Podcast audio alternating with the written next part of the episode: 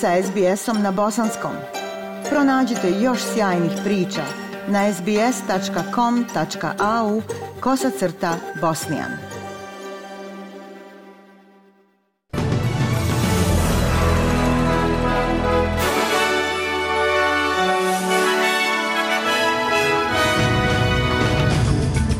U današnjim vijestima poslušajte ministar obrazovanja Jason Clare izrazio potrebu za reformom brige o djeci.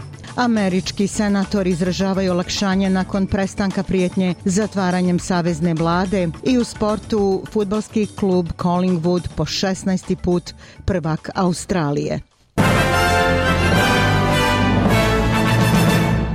Ministar obrazovanja Jason Clare kaže da novi izvještaj Australske komisije za konkurenciju i potrošače o brizi za djecu naglašava značajnu potrebu za reformom. Izvještaj navodi da su naknade za brigu o djecu u Australiji neke od najviših na svijetu.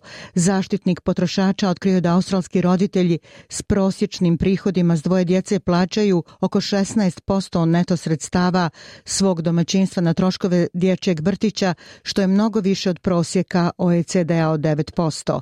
Preporuk izvještaja uključuju veću regulaciju industrije kao i direktne subvencije za zajednice kojima se ne pruža dovoljno usluga. Gospodin Kler izjavio je za Sky News dok nedavne vladine reforme počinju imati pozitivan učinak, izvještaj pokazuje da je potrebno učiniti više. Dobra vijest je da zakon je o jeftinoj brizi o djeci koje smo prošle godine usvojili počinju imati efekta. Vidjeli smo da su troši troškovi i naknada za vrtiće u prosjeku pali za 14%, ali ovdje još ima mnogo posla da se uradi. Senator zelenih Jordan Steele John kaže da bi trebalo uspostaviti federalnog ministra za pitanja invalidnosti koji bi vodio implementaciju preporuka Kraljevske komisije za invalide. Kraljevska komisija podnijela je svoj izvještaj ranije ove sedmice nakon četiri godine saslušanja. U izvještaju se priznaje visok nivo nasilja i zlostavljanja, zanemarivanja i eksploatacije koje doživljavaju osobe koje žive s invaliditetom u Australiji, te se poziva na znači značajne promjene.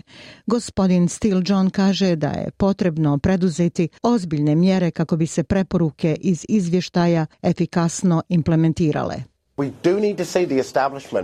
Moramo vidjeti uspostavljanje federalnog ministra za invalidnost koji bi vodio rad među vladama. Radna grupa ga jednostavno neće presjeći u ovom prostoru. Mi možemo postići te ciljeve i moramo.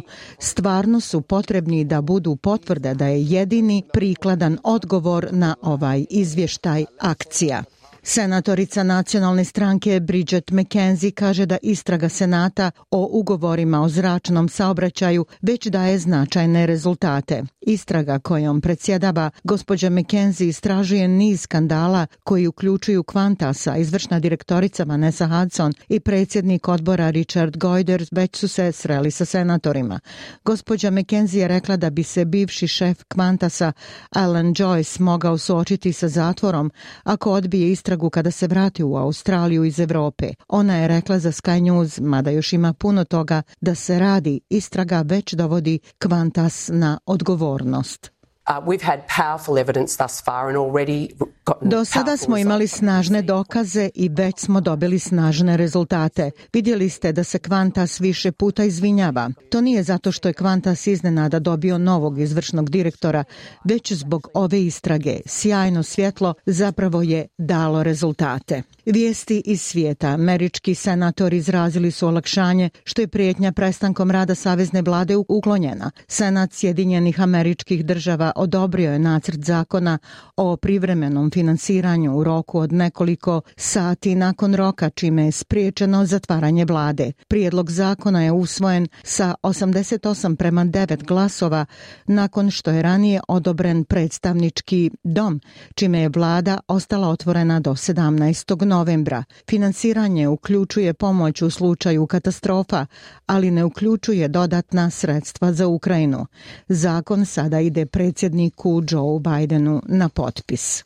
Na Maldivima opozicioni kandidat Muhamed Muiz pobjedio je na predsjedničkim izborima sa više od 53% glasova. Izbori su se pretvorili u nadmetanje u kojem će regionalne sile Indija ili Kina imati najveći uticaj, a dva kandidata favoriziraju jednog od dva strana partnera. Muizova stranka, Narodni nacionalni kongres, smatra se izrazito prokineskom. Univerzitetski student i glasač Raufa Martin izrazio je nadu stanovništva za sljedećeg predsjednika. I would like a government that's hopeful for the Voljela bih da vladu koja daje nagradu građanima jer smo trenutno beznadežni, predsjednika koji je iskren prema građanima, predsjednika koji bi podizao građane umjesto da ih gura i ruši i predsjednika na koga bi se i stariji i mlađi željeli ugledati jer on je predsjednik države. Velike grupe migranata i dalje pristižu na američko-meksičku granicu tražeći azil. Video snimci koje je objavio Reuters pokazuju kako venecuelanski migranti prelaze preko Rio Grande u El Paso i Eagle Pass u Teksasu gdje čekaju obradu. Umeđu vremenu stotine migranata su evakuisani iz teretnog voza u Meksiku. Ovaj venecuelanski migrant je uklonjen s voza, a put prema granici je nastavio pješice. The authorities have told us to evacuate Nadležni su nam rekli da evakuišemo voz zbog naše bezbjednosti i da nastavimo put pješice. Stigli smo, a put je zatvoren. Mi smo sa djecom. Ne znamo šta da radimo. Nismo kriminalci. Želimo da idemo na granicu. Molimo vas. Muzika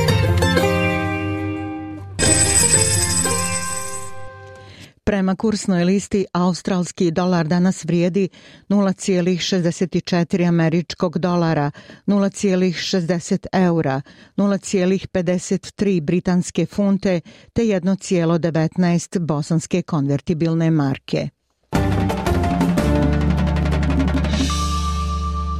Vijesti sporta, pobjedivši u vrlo uzbudljivoj i neizvjesnoj utakmici do samog kraja jaku ekipu Brisbane Lionsa, futbalski klub Collingwood postao je po 16. put prvak Australije. Pred rekordnih 100.024 gledaoca na čuvenom stadionu MCG u Melbourneu obje ekipe su dale svoj maksimum u finalu EFL prvenstva. Za igrača utakmice proglašen je Bobby Hill koji je postao postigao četiri najbolja gola u karijeri i osvojio medalju Norm Smith u epskoj pobjedi popularnih Magpiesa.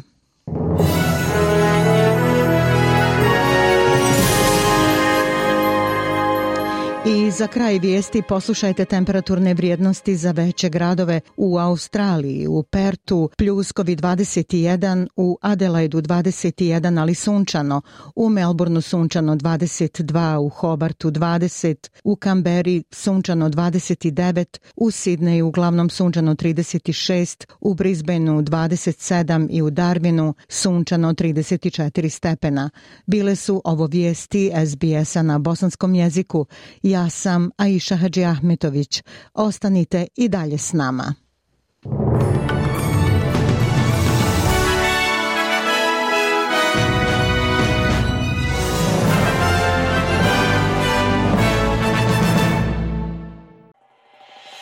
SBS na bosanskom. Podijelite naše priče preko Facebooka. Želite poslušati još ovakvih priča? Slušajte preko Apple podcasta, Google podcasta, Spotify ili kako god da primate svoje podcastove.